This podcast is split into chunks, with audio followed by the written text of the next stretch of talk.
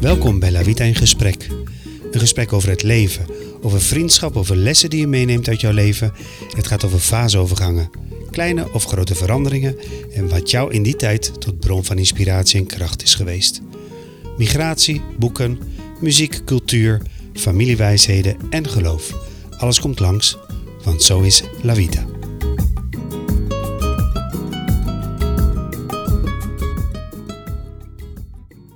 Box, Robert. Goed, hier zit ik dan met Erik van Winkelhof. Ik heb me even opgeschreven. Een veelzijdige man, vader, therapeut, ondernemer, artiest, liefhebber van kunst en van literatuur. Een dromer die niet schuwt om windvlagen te gebruiken om zo zich te kunnen verplaatsen. Zo, Wat denk je? Wauw. Welkom. Erik. Wauw, Robert. Dat zijn mooie woorden, man. En meteen een, een, een mooie poëtische, vlijende, literaire woorden. Dankjewel. Ja. Eh, ja, Erik, Robert. eh, hoe zou jij jezelf omschrijven? Ja.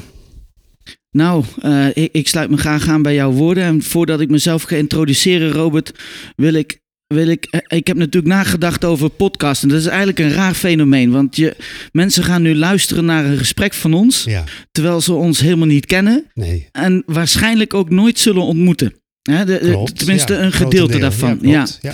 En ehm, in, de- de- eh, nogmaals, dit is geen valse bescheidenheid van mij, maar ik, ik, ehm, ik vind mezelf eerlijk gezegd helemaal niet zo interessant. In die zin dat ik eh, een gezonde dosis eigenliefde heb en eh, ehm, vertrouwd ben met mezelf, om het zomaar uit te drukken.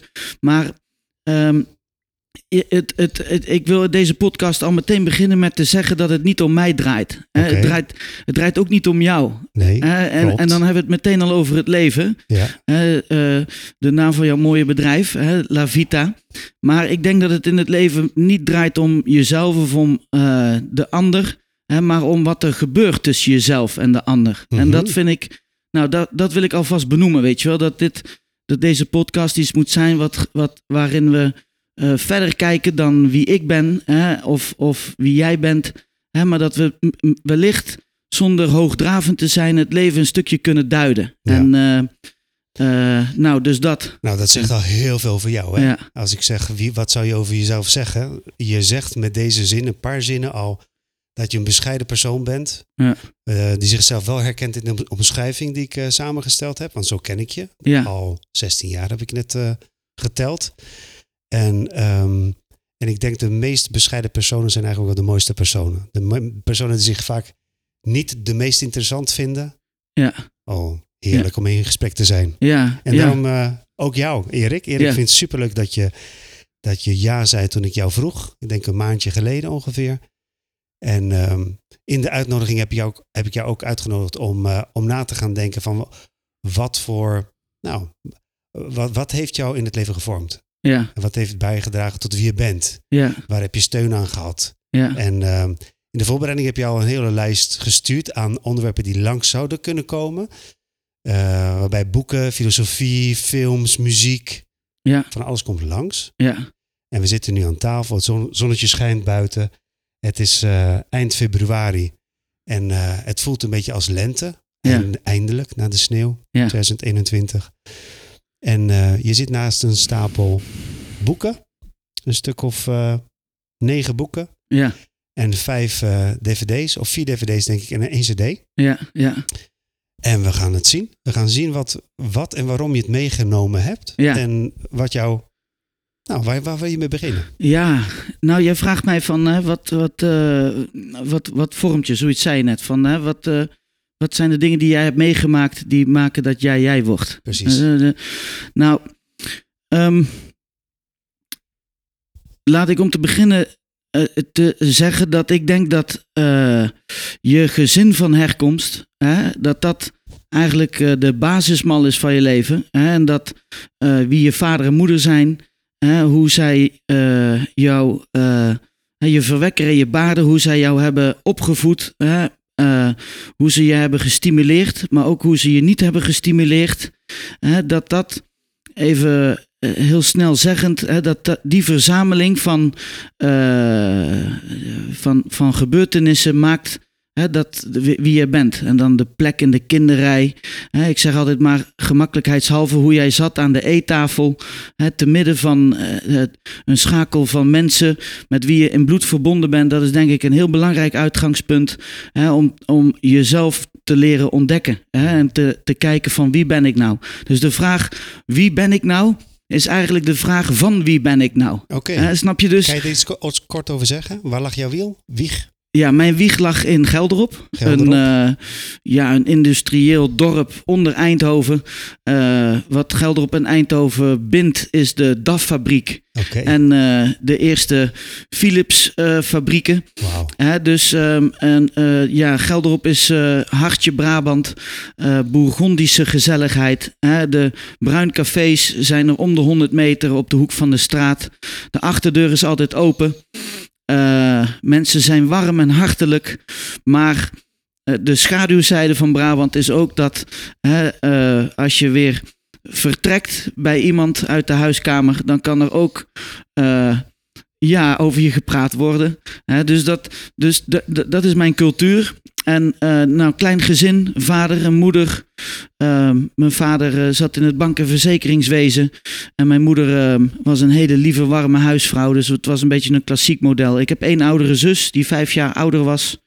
Die uit huis ging op haar zeventiende omdat ze een, eh, een verpleegkundeopleiding intern in het ziekenhuis ging doen. In Eindhoven? Eh, nee, dat was in Utrecht. Oké. Dus, eh, Dus en dat was ik- ook echt uit huis. dat was ook echt uit huis. Ik was twaalf toen zij uit huis ging. Toen was je twaalf, een tiener Ja, en enig zoon in huis. precies, precies. Nou, dus, dus eh, dat, dat, dat zijn zeg maar de eerste feitelijkheden eh, in, in mijn leven. Hè? En eh, ehm, mijn moeder is op, mijn, op haar 23ste, op mijn 23ste overleden. Ze was zelf 53. Mhm. Nou, dat is een belangrijke gebeurtenis, weet je wel, die mij heeft gevormd. Eh, en natuurlijk hè, mijn eigen huwelijk weer, daaruit voortkomend eh, met Hilde. En eh, de, de kinderen die ik met Hilde heb mogen krijgen, Ja. mogen ontvangen, om het ziek te zeggen. Want jullie hebben Drie kinderen. drie kinderen. ja, ja. Ja, een zoon van 15, een dochter van 12 en een dochter van 10. Zo. Dus eh, ja, Het groeit door. het groeit door, Robert. Ja, ja. Weet jij nog een van de eerste gesprekken die wij gevoerd hebben? Want het komt eventjes terloops Ja. langs. Ja, dat weet ik. Kan je dat even omschrijven? Waar was dat? Nou, ik weet niet wat jij herinnert. Ja. Maar eh, wat ik me herinner van mijn eh, eerste ontmoeting met jou is dat we een, eh, een, een, een dag hadden van onze werkgever, van Ja. Timon. Ja, En dat was in het klooster hier in Amersfoort. klopt. Ja. En hoe heet dat? Onze lieve vrouw Aan de Eem, geloof ik. aan de Eem, ja. En ehm, ik, ehm, ik, ik ontmoette jou, ik ging naast jou zitten. Maar ik zat toen volgens mij ook al meteen, kwam ik met mijn verhaal bij jou. Want ik zat in een soort Ja, eh, conflictuoze situatie met het management. klopt. Ja, ja oh, dus dat, dat, dat is ook hoe jij het je herinnert. Ja, zeker Ja. Als, je het, als je het aanhaalt. En volgens mij hebben we er ook foto's van. Ik heb het niet bij me, Ja. maar ik kan het wel wat terughalen. Ja, Ja, het was een roerige tijd. De tijd waarin ik eigenlijk bij, jullie, bij Timon kwam. Jij werkte er al. ja, En er was eh, heel veel gebeurd. ja, Hè, Het was een geschiedenis van een paar jaar daarvoor. ja, Met grote gevolgen voor mensen die jou ook eh, lief waren in die tijd. klopt, klopt. En dat, dat zat je behoorlijk dwars. Ik weet nog dat we daar eh, vrij snel op kwamen eigenlijk. Ja. Hè? Hoe was dat voor jou? Want dat is eigenlijk vrij. Als ik nu op terugdenk, denk ik van nou, dat zou ik. Dat, ik vind het nu vrij ongepast dat ik zomaar hè, bij jou als nieuweling met mijn pijn kwam of zo. Ja, nee, ik, eh, ik vond het fantastisch. Want daar, da- daarmee, dat was eigenlijk een prachtige visitekaart voor wie jij bent. Ja, Jij bent wat we zien. ja, En jij bent wie ik tegenkom. ja, En eh, als je in een gesprek zo open kan zijn en kan delen, denk ik, ja, ja, dat is Erik. Wat, Ja. wat, wat fantastisch om zo'n man, met zo'n man te kunnen gaan werken. Ja. Dat hebben we heel wat jaartjes gedaan, hè? ja, dat hebben we heel wat jaartjes gedaan, Robert. Ik, In ben, eh, ik heb, ik heb eh, ontzettend veel van jou geleerd in onze systemische MDFT-opleiding. En dat was altijd heel bijzonder, ja. Hmm. Die, die sessies, die live sessies hè, vanuit jouw kantoor. En dat de rolluik dan open ging. En dat van, van achter geblindeerd glas eh familiesessies en opstellingen Ja. eh, mee konden kijken. En Ja. dat we eigenlijk ook geïnstrueerd werden, elkaar instrueerden van nou pleeg deze interventie of zeg Ja. dit of zeg dat. Dat is ontzettend vormend voor me geweest. Ja. Ja. Dus als je het hebt over wie, wie ben je of wie ben je geworden, dan naast die feitelijkheden vanuit je context zijn dit ook hele vormende eh, dingen. Ja, Eigenlijk hele- altijd als je een boek leest of als je een film kijkt of als je eh, maar dichterbij als je iemand ontmoet, dan, dan gebeurt er iets. Ja. ja Altijd. altijd. Of het nou zichtbaar is of eh, ehm, gelijk in de interactie te zien is of niet. Het doet altijd iets. En Ja. jij, jij doet iets met mij en ik doe iets met jou. Ja, En tot nu toe is het altijd goed uitgepakt. ja. En dat is altijd heel fijn om op terug te kijken. Maar dat is bijzonder, ik, hè? ik vind het heel bijzonder. Wij hebben elkaar zes jaar niet gezien, Robert. En, en toch, hè, ik kom binnen, ik zie jou eh, achter het raam eh, staan. En het is meteen vertrouwd. Het is Ja. meteen, oh ja, dat is Robert Boy, de man die ik vertrouw, waar ik mij veilig bij voel. En terwijl we elkaar zes jaar niet gezien hebben. Ja, dat is bijzonder. Ja. Maar zou Instagram daar dan ook een invloed op hebben? Dat het, dat het Dat gelijk warm voelt en, en weer als vanouds? Ik denk dat het wel warm houdt. Mhm. Ja, maar ik, in, als, je, als je het hebt over interactie, het live, het stukje live wat we nu het afgelopen jaar eigenlijk ook te weinig gehad hebben met heel veel mensen. Ja, Dat is ook cruciaal. ja, hè? Want beelden zijn maar koude beelden. ja, Ik denk het gevoel van de interactie, van de verbinding bepaalt de Ja. relatie. ja, En Ja. Of die eerste, of die heb je opgebouwd. Die, die Ja. krijg je niet, denk ik, via foto's. Maar het is misschien een verlenging. ja. Ja, dat denk ik ook. Dat denk ik ook. Er gaat niks boven hè, het, het, de fysieke ontmoeting. Ja. Maar toch, Robert, hè, dat is heel gek. Ehm, of apart aan mij, of bijzonder, of juist mooi aan mij, dat weet ik niet. Ik laat het oordeel aan de ander. Maar ik weet bijvoorbeeld van een vakantie van jou vorig jaar. En dan zien we elkaar jaren niet, maar via Instagram. Ik zie jou nog fietsen. Ik weet, niet meer, ik weet niet meer waar het was, maar het was groen. Het was in de natuur. Misschien was het wel Limburg of het kan ook Italië zijn. En dat je aan het fietsen was met je vrouw en de kinderen. En eh, nou, dat onthoud ik dan, weet je wel. Ja. En dat jij een tijdje ook eh, geschilderd hebt. Ik herinner me een ontzettend gave aquarel van flamingo's. Ja. Die moet ik straks trouwens nog even zien. Voordat ik naar huis... He- heb, heb je hem nog? Nee, ik denk het niet. Ergens. Ja. Ja. Ja. Ja. Maar klopt toch? Grappig. Ja, Ja. dat, dat klopt. Ja, dus het doet ook zeker iets. Je zegt eigenlijk, eh, Instagram en eh, allerlei social media helpen ook wel om Ja. sociale banden aan te houden Ja. en elkaar ergens te volgen. Ja. Ik wil toch even teruggaan, Erik. Een van, de, een, een van mijn andere eerste herinneringen die ik met jou heb, Ja. Eh, dat is ook op een locatie van onze oude werkgever. Mhm. En we kwamen al vrij eh, snel tot een belangrijk figuur in jouw leven. Namelijk? Je moeder. Ja. Weet je het nog? Ja. Ja. En eh, als je het hebt over wie, wie heeft jouw leven gevormd of wie heeft een grote invloed gehad op je leven. Volgens mij we- kwamen we daar als vrij snel op.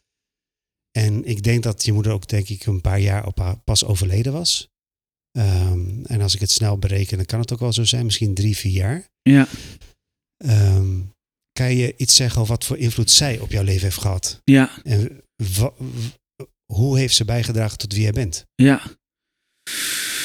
Ehm jongen, dat zijn. eh, dat is een mooie vraag. Daarmee eh, breng je me meteen in mijn, eh, in mijn, loyali- in mijn loyaliteitshuishouding.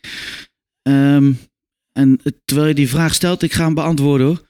Bedenk ik meteen hoe fijn zo'n vraag is hè, als we dat ook aan onze cliënten stellen. Hè, je, je zet meteen iemand in zijn levensbestaan. Mm. Hè, zoals Notch dat zei, zijn existentie.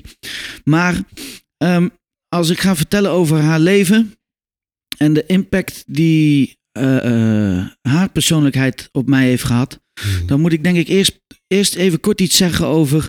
Want ik ben me pas dat gaan realiseren wat de invloed van mijn moeder op mij was. Hè, Ja. evenzo de invloed ook van mijn vader. Maar de invloed van mijn moeder op mij was op het moment van overlijden. Ja. Pas wanneer je iets verliest, ga je daadwerkelijk de betekenis ervaren van, van datgene of van diegene. Ja. Hè, en ehm, nou, zij is in 2001 op een vakantie in juni met mijn moeder of met mijn vader. Ze waren op vakantie in Friesland. Ehm, en dat is alweer zo typerend iets. Mijn moeder hield niet van vliegen. En had echt die Hollandse nuchterheid van waarom naar, eh, Buitenland naar Timbuktu vliegen als het in Nederland ook mooi is. hè? Dus is, zij, ja. was, zij was erg van, eh, van Drenthe en van Friesland? En, eh, van Limburg en Zeeland. En, Ehm, dus, dus zij zochten dicht bij huis. En ze waren met z'n tweeën een week in eh, Friesland. Ze waren Oké. overdags naar het Fries Museum geweest. Mhm.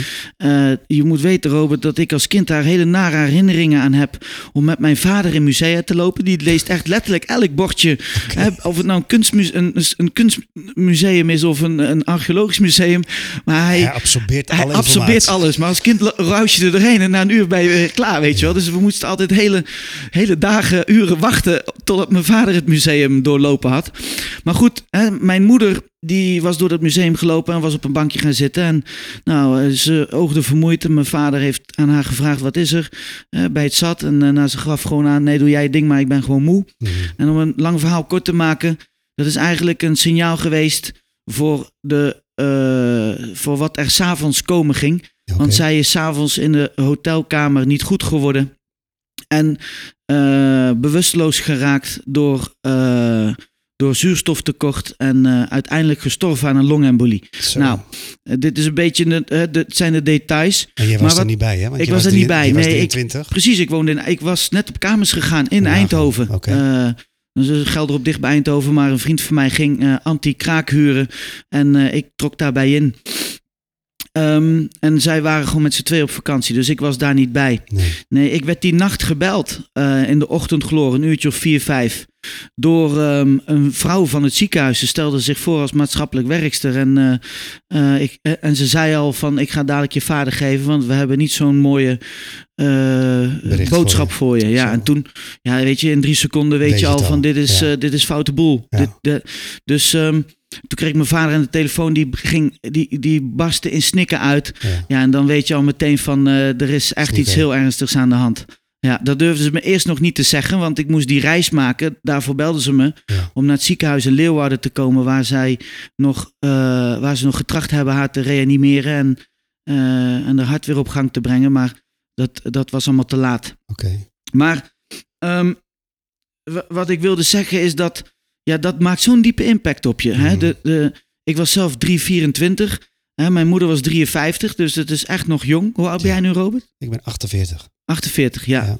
Dus, en nou, dat is al iets geks. Hè? Ik ben nu, ik word volgende maand 44, dat die gang daar naartoe, naar die leeftijd, dat dat je ook weer stilzet van, goh, wat was mijn moeder eigenlijk nog jong? Ja. Hè? Ik ben nu 43, nou, dat was tien jaar voor haar sterven. En elke keer als ik jarig ben, dan denk ik van, oh ja, dat is Kom negen. dichterbij. Precies, komt dat dichterbij. Nou, dus En dichterbij wat? dichterbij het besef dat het leven.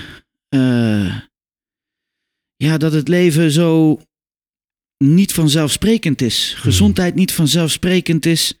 En dat het leven eh, fragiel is, kwetsbaar is. Ja. ja. Ja.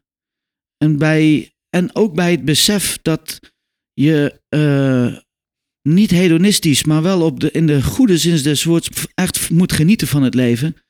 Hè, omdat het ontzettend snel gaat. En het, eh, er, er ook momenten kunnen zijn dat het je, ja, dat het, dat de grip op het leven je ontnomen kan worden. Ja. Zoiets. Ja. ja. Ja. Maar goed, je vroeg me naar, de, naar eh, de betekenis van mijn moeder.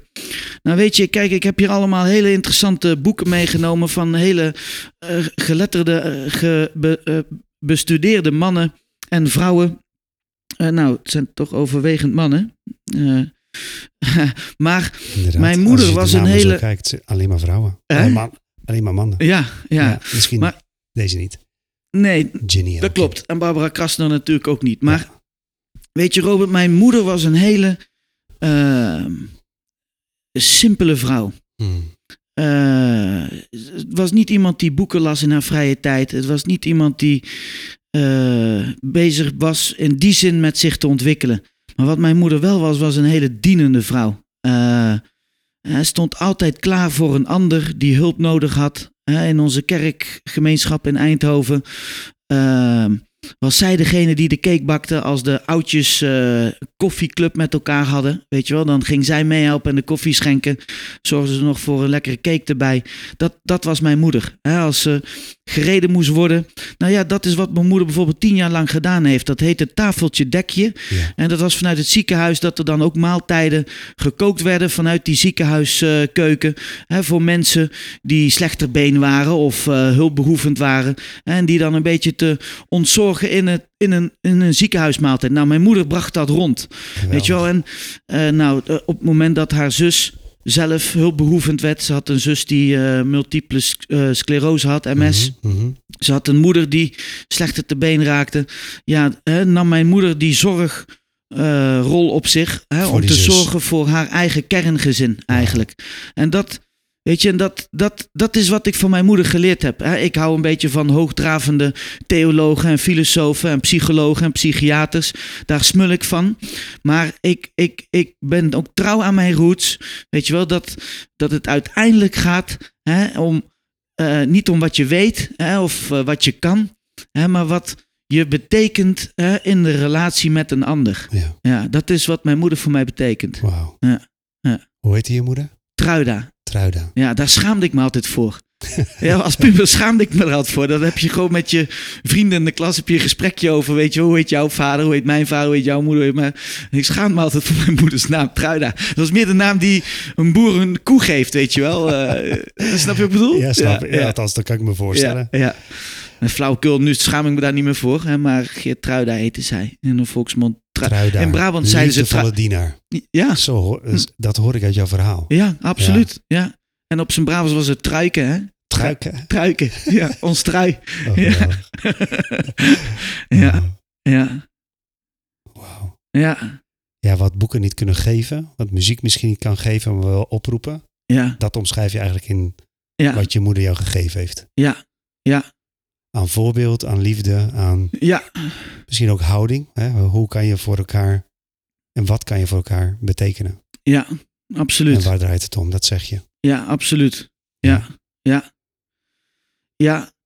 En, en, er- en is weet je, Robert, over de doden niks dan goeds. Hè? Eh, eh, eh, ik heb, ben ook een beetje opgevoed van, nou, over mensen die overleden zijn, hè, mag je niet kritisch zijn of kan je niet slecht praten, want zij kunnen zich niet meer verdedigen. Mm. Op de een of andere manier is dat zo'n echo die ik mee heb gekregen. Ja. Ik, ik weet niet of ik er bewust mee opgevoed ben. Hè, maar nou, daar ben ik wel een beetje van losgekomen. Ik kan ook wel kritisch zijn. Mijn moeder was ook wel.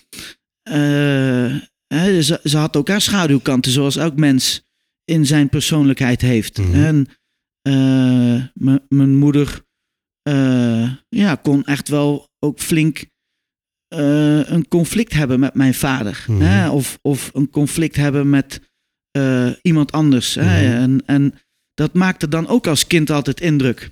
Dat kan ik me voorstellen. Ja, dus mijn moeder ehm, eh, ja, heeft mij heel veel meegegeven. Maar ook, ook, in, wat, ook in wat ik, wat ik niet aantrekkelijk aan haar vond, heeft ze me iets meegegeven. Dat, weet je wel, dat is dan Mhm. toch, ja, ehm, dat bijvoorbeeld, hè, dat je conflicten, het- als ze boos was, kon ze je doodzwijgen Oké. bijvoorbeeld. Ja. Hè, dan was ze, en dat ging soms best wel lang.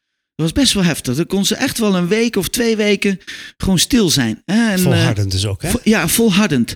Nou, en dat is, dat, gek genoeg zit dat ook in mij. Als ik ruzie heb met Hilde, Ja. dat ik, dat ik even niet kan luchten. En dat ik het liefst gewoon eh, 24 uur of 48 uur op slot ga. Ja. Maar dat is zo vernietigend voor de sfeer in huis. Ja. En ik zie in mijn jongste bijvoorbeeld, die heel gevoelig is, zie ik mijzelf dan weer terug. Dat je lijdt hè, aan het feit dat je ouders elkaar even eh, eh, zwijgen naar elkaar. Ja, Je was bijna zeggen doodzwijgen, maar in de zin van Precies. negeren, hè? ja, Ja. ja. ja, doodzwijgen is dan Ja, wel. het is heel naar. Dat- een mooie woordspeling. Maar, ja. maar snap je wat ik bedoel? Ja, ik snap Dus- het wel. dus Dus, ook- het is niet alleen maar positief. Er zijn ook een aantal eigenschappen van je moeder die je meegekregen hebt. Of in ieder geval gezien hebt. Ja, ja. Als kind zeg je, heb je er wel last van gehad. ja, En toch is het, is het een coping. Hè? We noemen het ook wel eens copingmechanisme. Hè? Om Ja, om te gaan met. ja. ja. Wat levert jou zoiets op? Even als je terugkijkt. Eh, Eh, eh, Dat, nou, dat, dat, ehm, dat door, door leertherapie, door supervisie en intervisie hè, in ons vakgebied leer je zo je, veel over jezelf hmm, te weten. Hè? Mhm. En kan, ga je dat koppelingen maken? Nou, ik, ik koppel dat natuurlijk aan mijn eigen gezinssystemen. ja. Ehm, en, en, en wat het me oplevert, hè, is dat ik, dat ik dat dan een koppeling maak van... hey, dit vind ik niet zo aantrekkelijk aan mijzelf. Ja. Hè, dat ik in een conflict situatie niet in de verbinding kan blijven. Maar Mhm. dat, dat heb ik ook gewoon gezien van mijn moeder. Weet je Ja. wel, dat is coping. Dat is Ja. je onvermogen om weer taal te vinden... Om, om het verschil tussen jou en een ander te laten bestaan. Exact. En dat, en dat, ehm, dat heb ik geleerd. Hè, door Mhm. dat bewust te worden, waar het vandaan komt. En dan ook, dan, als je weet waar iets vandaan komt, als je weet waar je, als je van iets bewust bent, dan is dat het begin van de verandering. Dan Mhm. kun je daar ook invloed op uitoefenen, zo, op- door dat op andere manieren aan te gaan pakken. Ja. Dus als ik nu geïrriteerd ben of een conflict heb met bijvoorbeeld met mijn vrouw, Ja. hè, dan, mag ik, dan geef ik mezelf de ruimte om best even boos te zijn en even stoom af te blazen en mijn irritaties eh, nou, eh, daarmee te vereenzelvigen. Maar vervolgens ook na, na een, een kwartier, een half uur of een uur, hè, of, of de tijdspanne die het nodig heeft, ook te zeggen van nou, hè, we hadden net even een flinke clash, hè, maar omwille van eh, onze relatie of dat jij, ik van jou hou en jij belangrijk voor mij bent, wil ik nu weer eh, het goed met je maken en Ja. verbinden met je. En laten we het verschil even bestaan en gewoon even samen weer iets leuks doen of een kop koffie drinken en eh, even ontspannen. Ja. Weet je wel, dat. Dat, Ja. dat zijn precies de levenslessen hè? eh, eh, waar het gewoon prachtig is om over te hebben. Juist in dit soort, dit soort gesprekken. Wat heb je uit het leven meegenomen? Ja. Wat heb je meegekregen Ja. aan de ene kant en wat je omschrijft? Er zijn positieve dingen en ook minder leuke dingen. Ja. Het gaat er uiteindelijk ook om, wat ga je daarmee doen? Ja. En hoe ga je het verrijken? En hoe ga je het al dan niet doorgeven aan je volgende generatie, aan je kinderen? Ja, Of de mensen die je Ja. ontmoet. nou, precies. Ik wilde even gaan naar je vader. Ja, En daarna misschien iets luchtigs. Misschien Ja. een stukje muziek of kunst. is goed. Waar je inspiratie uit haalt. Eh, Maar ehm, je vader, ja, wat voor rol heeft hij in jouw leven gespeeld? Of wat, ja, wat, wat heeft hij jou meegegeven? Wat vond hij belangrijk? Ja. En heb je geabsorbeerd? ja. Nou, Robert, ik weet niet hoe jij dat ziet. Ik wil dat ook graag voor jou weten. Maar ik ben bijvoorbeeld een groot voetballiefhebber. Ja. Dat is, en dat is zo apart, hè? Ik zie dat eh, zoveel in de gezinnen om mij heen, eh, eh, in mijn werk, maar ook privé. Hè, dat wanneer je ouders zoiets onschuldigs als een sport bedrijven, hè, dat je dat haast eh, ja, als erfgoed meegeeft aan je kinderen. Ja. Nou, jij, eh, ik heb net jouw zoon ontmoet. Hè? Jij Ja. hebt zelf op, eh, op een universiteit gestudeerd en jij houdt van lezen en muziek maken. Ik maak kennis met jouw zoon. Hij zegt, "Ei- eigenlijk is dat een mini-robot die ik ont- eh, ontmoet. Weet je, snap je wat ik bedoel? Hij studeert ook op een universiteit. Hij houdt ook van boeken lezen en theologie bestuderen. Hij houdt ook van gitaar spelen, van muziek maken. Snap je? En dat, nou, dat is het eerste wat ik van mijn vader heb meegekregen. De liefde voor voetbal. Ik was, hij was zelf vader toen hij nog voetbalde. En ik werd gewoon op zaterdag meegenomen naar de voetbalvereniging. En dan, daar aten we dan ook. En dan kreeg ik gewoon eh, vijf gulden hè, om een broodje frikandel en een blikje cola te halen. Dat is dan weer Brabant. Het is niet zo heel Ja. gezond, maar de- hè, dat, dat is ook een beetje de voetbalcultuur. aan de gezelligheid, toch? Het gaat om de gezelligheid. En het En, het, precies. En, het, en dat is ook een stukje voetbalcultuur. En ik liep gewoon rond op dat voetbalterrein. Hè, een beetje ja, te klooien wat kinderen doen. Met een balletje trappen of een hut bouwen. Of eh, eh, naar de wedstrijd kijken. Dat, zeg maar. Terwijl je vader speelde, hè? Terwijl mijn vader dan speelde. Ja. Ja, ja. En Het is je met de paplepel inge... dat is me, dat is me met de paplepel. Zeker, zeker. En die voetbalvereniging was ook weer een zaterdagclub. Hè. Je moet ja. je bedenken, het is Ja. katholieke Brabant. Ja. Eh, die, die hebben wat meer met de zondag. Of op, eh, die hebben wat minder met de zondag. En dus, meer op de zaterdag. en meer met de zaterdag eh, qua, qua, qua, qua religie. Dus, Ja. dus, en wij waren protestanten in Brabant, wat toch een, een, een ondergeschikte doelgroep is, zeg maar. Een, een eh, o- ondervertegenwoordigde doelgroep in eh, het katholieke Brabant. Ja, maar ik zat bij een zaterdagclub en de mensen die ik daar op zaterdag zag, zag ik ook weer op zondag in de kerk. Weet Oh ja, je wel? ja. Eh, of, of op maandag op onze basisschool. Dat was, wel, dat was wel een beetje een cultuur binnen een cultuur, als je begrijpt wat ik bedoel. Mhm. Maar terug naar mijn vader. Dat is een eerste wat ik mee heb gekregen. Gewoon- Voetbal. Voetbalcultuur, gezelligheid, maar ook verbinding. Ja. Verbinding met de dorp, Met, het, met precies, hè, de met, gemeenschap en misschien. met, met het verenigingsleven. Ja. Eh, want voetbal is meer als alleen lid zijn van een voetbalvereniging. Je moet ook gewoon hè, je voetbalspullen in orde hebben. Ja. Op tijd komen. Mee zorg dragen voor eh, de, de, de kas hè, van de vereniging. Dat die gevuld en gespekt is met activiteiten. Het, het, het, het terrein bijhouden. Er komt zoveel meer bij kijken. Mhm. En ook, ook hiërarchisch. Hè, dat je als puberkind ja, je wel als het ware te, te- in een onderpositie staat als, als voetballer hè, ten opzichte van de coach. Mhm. Hè, dus dan kun je het wel ergens niet mee eens zijn en daarover gefrustreerd zijn. Hè, dan, dat roept dan de ontwikkeling op van hoe, hè, hoe ga ik toch met mijn frustratie gehoorzamen daar waar de coach wil wat ik niet wil. Er was een Ja. duidelijke hiërarchie, zeg je eigenlijk. En dat Ja. was ook een vanzelfsprekende hiërarchie. Dat was ook een vanzelfsprekende hiërarchie. Ja, Ja. Maar ik hoor En ook een, een, een, een belang ergens van, van betekenis zijn voor een gemeenschap. Teruggeven aan een gemeenschap. Ja. Eh, dienen door dingen te doen, hoor ik ook eigenlijk. Eh, Zeker. Je moeder op, op één manier. Ja. Je vader heel praktisch misschien wel. Ja. Voor de voetbalvereniging. Ja, dat hebben, heel mooi dat je dat eruit eh, eh, haalt, eh, Robert. Dat, he- dat heb ik zeker van mijn vader ook meegekregen. Naast dat mijn moeder dat ook uitleefde. Maar mijn vader was naast zijn baan in de bank- en verzekeringswereld. Wat, waar, waarin hij zeg maar 60 uur per week eh, voor aan het werk was. Zo gaat dat.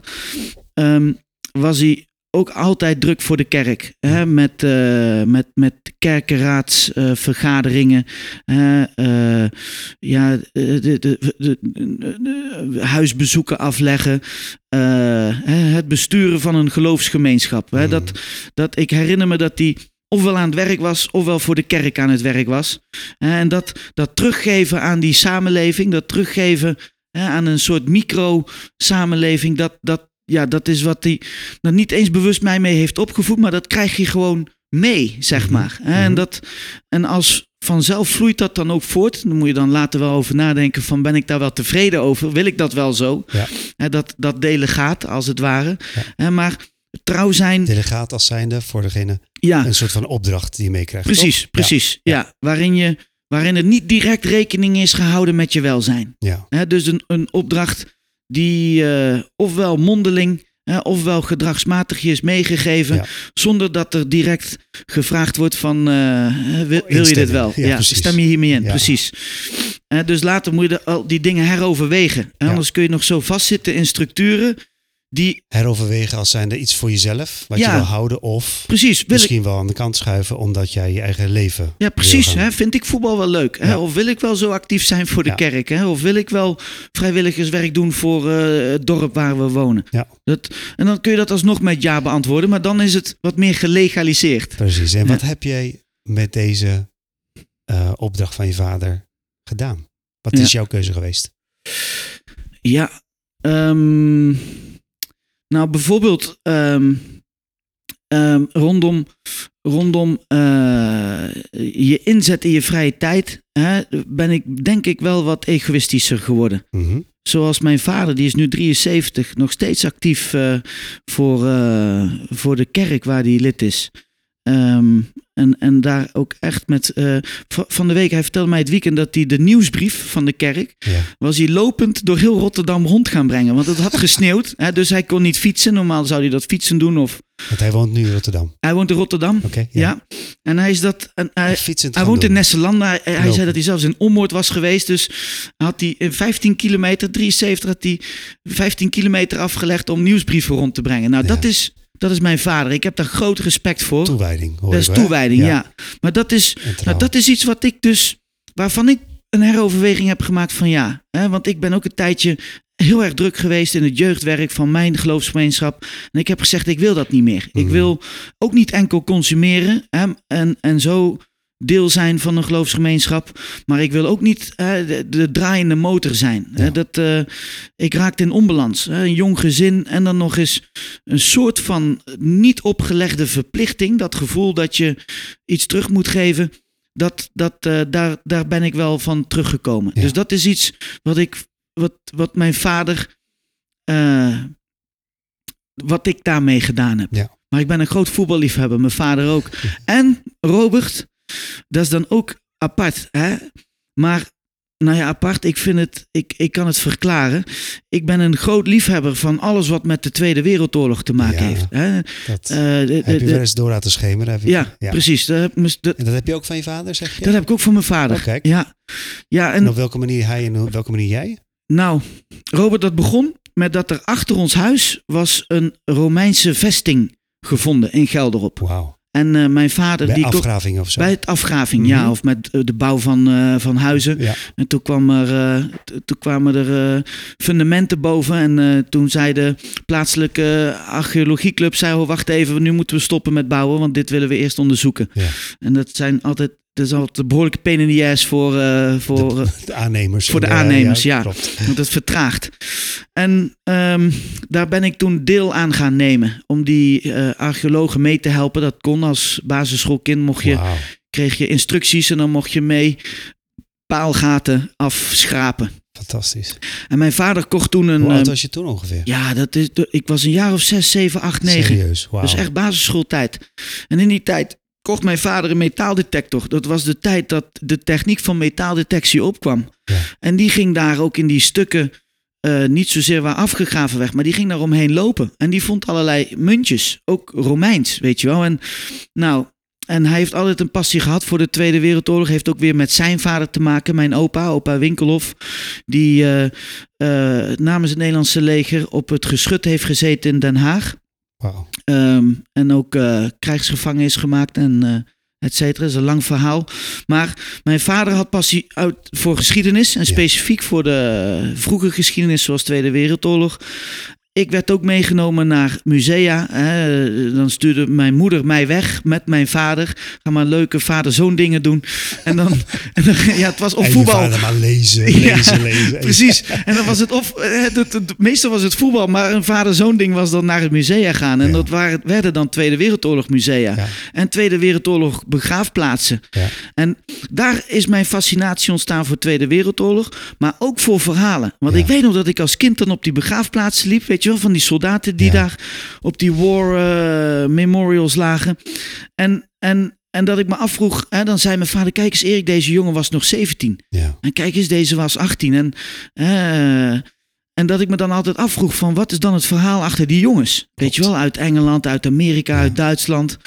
En eh, En ik denk dan altijd weer, en wat met die families? Hebben ze ooit gehoord? ja, Waarschijnlijk wel als er een naam is. Ja. Maar wanneer? Ja. Wanneer Ja. hebben ze het ontdekt? Ja. Ja. Hoe is de hun vergaan in Ja. al die onzekere tijd tussendoor? ja. Dat is altijd wat, wat zulke Ja. plekken bij mij oproepen. Ja, nou, zeker, zeker. Nou, jij Bizar. woont hier in Amersfoort, eh, Mhm. Robert. Er is hier in, bij Kamp. Amersfoort ja, een Russische begraafplaats. En er is één man, daar moet je een klein beetje autistisch voor zijn. Een soort fixatie op hebben, zeg maar. Die, die, die is al die graven, heeft hij geregistreerd en is nog steeds op zoek hè, naar nabestaanden. En dan een paar maanden geleden heeft hij weer van enkele gehoord, Russische ja. soldaten weer de nabestaanden gevonden. Dat is toch prachtig? Ja. Als je als achterklein, hè? ja, als je als achterkleinkind hè, nou beseft, oké, opa ligt ergens in Nederland. Hij is, en dit is zijn verhaal. Hij Ja. is krijgsgevangen gemaakt en is gestorven aan de honger of gefusilleerd door de bezetter. Hè, en eindelijk kunnen we rust geven. Ja. Hè, dat, dat, dat is echt heel betekenisvol. Ongelooflijk. Ja. Ja. Ik zag het gisteren toevallig nog op tv, wanneer eh, waar een kleinzoon van eh, een man, een Joodse man, die in, eh, tijdens een van de razzia's opgepikt is in Amsterdam en nog net op een foto was, waarbij alle, een stuk of twintig man op een rij stond. En door pas in te zoomen met hele hoge techniek hebben ze het gezicht kunnen tevoorschijn halen en hebben, kunnen ze, hebben ze kunnen identificeren dat hij hij was. Ja, En met diezelfde foto naar die kleinzoon konden gaan. ja, Ik kon laten zien, kijk, hier stond je opa. Dit is de laatste teken van je opa. Nou, dat is volgens mij een van de, misschien wel misschien meest, meest pijnlijke, maar ook verlossende, denk ik wel eens, eh, boodschappen die je kan krijgen. Hè? Van oké, dat is er dus gebeurd. Vanaf dat moment hebben we niks meer gehoord. En dat is precies wat je omschrijft. Ja. Hè? Een soort van, ja, het is een rondmaken. Het is wel pijnlijk, maar in ieder geval de kans geven aan zo'n familie om heling te vinden of zo. Hè? Om Ja. toch een korst te laten groeien op een open wond. ja, precies dat. Ja. Ik denk dat, dat, hè, dat je in je existentiële loyaliteit, hè, je asymmetrische loyaliteit naar je ouders en naar je grootouders, Mhm. dat is iets mystieks, maar dat is iets wat in ons ligt. Hè, en, Mhm. dat, en dat krijgt dan een antwoord. Hè, dat Ja. krijgt dan plek. Of wat jij zegt, heling. Ja. Ja. ik denk dat dat zo werkt. Ja. Ja, ja mooi. Is het mooi om een stap te maken naar muziek? Want, Zeker. ehm, kijk, volgens mij ben je op dat vlak ook ongelooflijk veelzijdig. Ja, Ik ken je uit de tijd dat je nog eh rockend, misschien oneerbiedige eh, Nee, hoor, nee, nee. uitdrukking, ja, over het podium eh, sprong. ja, Hè? Ja. Zelf als zanger van meerdere bands in die tijd. ja, klopt. Ja. Ja, Robert, muziek joh. Druk bij mij een knop in en ik ga los. En muziek is zo'n knop. Ja, toen je mij vroeg om samen eens te spreken, dacht ik ook van, nou, ik, dan wil ik het ook over muziek hebben. Omdat ik Ja. weet dat jij ook van muziek houdt. Mhm. Doe jij nog dat koor? Dat Nee, Black- dat, heb, dat heb ik nu een, Ja. een jaar losgelaten. Ja, nou, dat vond ik ook heel tof. Daar genoot ik ook van. Ja. Ook de beelden die je dan liet zien. En... Ja. Ja. muziek. Robert, ik ben een beetje schizofreen wat dat betreft. Eh, Veelzijdig. veelzijdig. Ik hou van snoeiharde metal. Ik hou van hele mooie eh, popliedjes. Ik hou van vette hip-hop. Eh, ik hou van mooie achtergrondjazz. hè, en ik hou van eh, lekkere, zware klassieke muziek. Dus ik ben veelzijdig, dat klopt. Ja, Dat vind ik knap, hè? Want niet iedereen kan dat. Ja. Ik ook niet. nee. Eh, omdat je ergens de geest achter elke stijl moet snappen. Ja, precies. En hoe meer je daarvan snapt, heb ik wel ontdekt, hoe meer je ervan begrijpt. Ja, nou dat. Eh, oh, oh, misschien wel hoe meer je daarin verdiept, hoe meer je daarvan begrijpt en dan Ja. waardeert. Ja. Nou, dat was dus iets wat in mijn tienerjaren zo speelde. Ja. Ik weet nog dat mijn vader dan op zondag. Dan zette die bijvoorbeeld eh Berdien Stenberg aan, weet je wel. Of, eh, of, of gewoon een, een klassiek stuk van Bach. Hè, of nou dat. En als tiener begreep ik dat niet. Hè. Dan had ik altijd een beetje uitdagende discussies van wat is hier nou mooi aan? Ik wil het begrijpen, ik wil het snappen. Ja. Maar ik voel dit niet. Ik voel hier niks bij. Ik Nee, krijg er zelfs precies. irritatie bij van die, van die fluitisten bij die Stemberg. Ja, Weet je wel? En, ja. ehm, maar zij hadden dat andersom. Ik, ik, ik draaide in die tijd echt hardrock, weet je wel. Metallica, Slayer. Ik was nog, het- mijn ouders moesten dus weten waar die gasten over zongen. Maar dat was absoluut niet opbouwend en, eh, en christelijk, zeg maar. En, ehm, en zij snapte dat niet. Mijn moeder zei altijd standaard van, joh, zet die rotherrie eens zachter. Ik hoor het er nog zeggen. Ja. Dat was een standaard zin hè, vanaf de beneden aan de trap. Hè? Zet die rotherrie eens zachter. En, In dus de wij, hoop dat jij het zou horen, hè? eh, Precies, zeker. pre- zeker. Hè? En, eh, en ehm, nou, dat is zo'n discussie die, denk ik, wel elk gezin kent. Hè? Dat je, ik heb het nu met mijn kinderen. Ik vind, die luisteren Little Kleine en, en Ronnie Flex.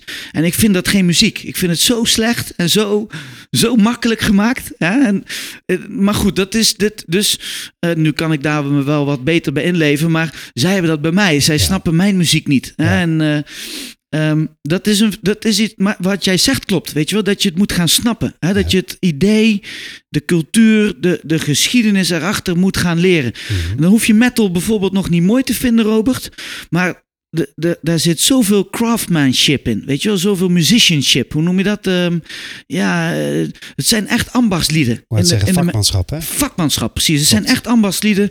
Jongens hè, die, die, die, die hun, hun instrument verstaan. Hè, en dat tot in extremo, zeg maar, willen eh, bedrijven. Hè? Ja. Dus, dus hoe sneller, hè, of hoe technischer, of hoe meer eh, fills in een luttele seconde. Dat is, dat hoe is knapper en hoe deskundiger, hè? precies. Ja. Maar wat ik voor jou heb meegenomen. Ja, vertel. Is- is dit? Is, Dit is Arvo Per. Ja, En Arvo Per heeft. eh, eh, nou, Robert, Arvo Per is voor mij een. een, een, ehm, een eh, toen nou, een, net als Bach, een, componist. een componist, dat Ja. woord zocht ik. En toen ik voor het eerst met hem in aanraking kwam, had ik een religieuze ervaring. Oké. Dat klinkt, dat klinkt heftig, maar zo was het echt. Ik kan het niet anders omschrijven. Als je die omschrijft en dan een stukje laten luisteren, Ja, brengen we dat misschien in verbinding met elkaar. Is dat dat is oké? goed. Is goed, ja. Kan je die religieuze ervaring omschrijven? Ja. Ehm, het was zo sereen en zo mooi. En elke noot en elke toonsoort en ook het uitblijven daarvan. Want dat is Arvo Stilte. Per ook. Hè? De, de, de, hij is een minimalist, zoals ze dat zeggen. Het is een minim, het, het, de, de stroming heet minimalisme in de klassieke muziek. Hè, dat Arvo Pers adagium, zijn uitgangspunt is dat één enkele noot hè, al je ziel kan raken. Nou, dat is helemaal waar. Hè, dit, is, dit, dit bedoel ik helemaal niet eh, hoogdravend of zweverig, maar dat is Arvo Per ten voeten uit. Hè, dat hij met, met één aanhoudende eh, klank van een piano of één eh, aan, aanhoudende eh, uitspraak van een, eh, van een zanger hè, en dat vasthoudend, dat dat zeg maar je in ontroering kan brengen. En nou, Arvo Per is wat mij betreft echt een, een kunstenaar van de bovenste plank in de klassieke wereld van vandaag, de moderne klassieke wereld. Ehm, heeft een hele rijke geschiedenis. Hij komt uit eh, Estland, Letland. Eh, pak me even niet op de detail. Hij heeft in het geheim muziekstukken moeten componeren ten tijde dat dat nog Sovjet-Unie, precies satellietstaten van de Sovjet-Unie was en ze behoorlijk ook op de eh, propaganda hadden, zeg maar, op cultuuruitingen. Dus, ehm, maar deze man, hij is al in de 80, in de 90. Hij is Mhm. broos, maar hij schrijft nog elke dag. Ongelooflijk. Hè? Hij schrijft nog- en dat doet hij met een potloodje. Dus die man leeft ergens ook diep in de bossen. Het is heel, eh, het is haar sprookjesachtig als je zijn documentaires over zijn leven ziet. Maar hij leeft ergens in een, in een, in een nog heel primitief. Hij zet nog gewoon, eh, hij heeft geen waterkoker. Hij zet zijn, als hij thee wil hebben, dan zet hij gewoon dat met een fluitketel. Ehm, minimale eh, elektriciteit.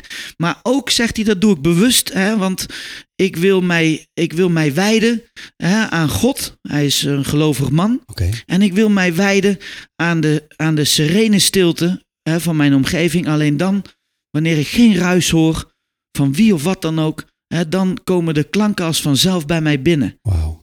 Ja, En, en wat van die muziek raakt jou? Op Ja. welke manier ja.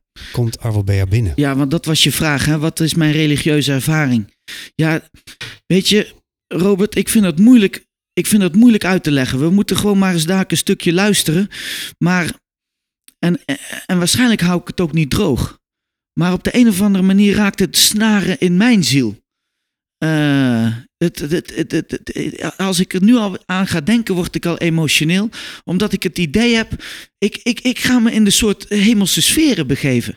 Ik kan dat niet verklaren. Weet je wel, ja, hoe verklaar je waarom jij verliefd bent op je vrouw? Weet je wel, Mhm. op het moment dat je het gaat verklaren, dan doet het de liefde al al te tekort. niet. Ja, Ja. dat heb ik ook. Dat is ook zo met, eh, mijn, met mijn passie voor de muziek van Arvo Per. Het is, het is, het, het, het, eh, het is zo zuiver en zo. Ehm, dat het, eh, eh, dat het, mijn botten raakt of zo. Ik, ja, ik kan dat niet verklaren. En dat had ik vanaf de eerste dag. Ik zal het nooit vergeten. De drummer van mijn oude band, Ja. die kwam ermee aan. Die zei, Erik, moet je dit eens luisteren. Dit zou ik wel willen draaien voordat wij het podium opgaan. Nou waren wij een vrij luidruchtige, zeggen. rockende... Grotere tegenstelling zou je eh, precies. niet kunnen bedenken. En, maar wij waren wel een beetje van het principe: hè, ne- never break the silence unless you can improve it. Dat hebben we ook nog wel eens op een shirt gedrukt. En dat vind ik een mooi, een mooi idee. Hè. Verbreek niet de stilte, tenzij je het kan verbeteren. Wauw. Ja, Wauw. Laat even de- deze in, eh, indalen. Hem nog een keer herhalen? ja. Nooit? Never break the silence unless you can improve it. Hè. Verbreek niet de stilte, mits je hem kan verbeteren. Oké. Ja. Zullen we een stukje luisteren? Ja.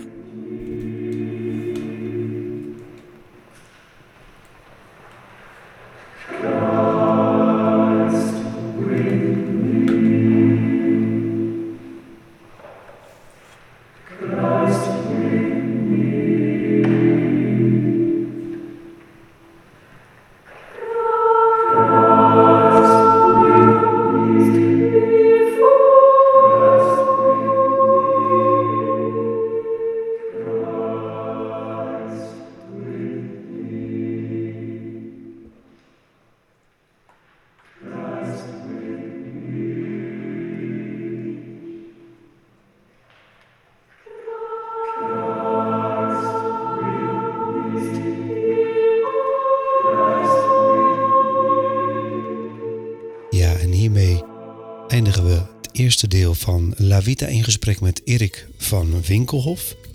In het tweede deel zullen we verder ingaan op eh, het eh, stuk dat hij ingebracht heeft en de wijze waarop het hem inspireert. En zo ook over de invloeden die bijvoorbeeld een Victor Frankl of eh, de kunst van Chagall hebben gehad en hebben nog steeds in zijn leven. Dus luister verder in deel 2 van La Vida in Gesprek met Erik van Winkelhof. Dank voor het luisteren. Wil je geen aflevering missen? Zorg ervoor dat je geabonneerd bent. En eh, laat weten wat je van vindt door een opmerking achter te laten of een mail te sturen naar info.lavitaboy.nl Dank nogmaals voor het luisteren. Tot de volgende keer. Tot het volgende gesprek van La Vita.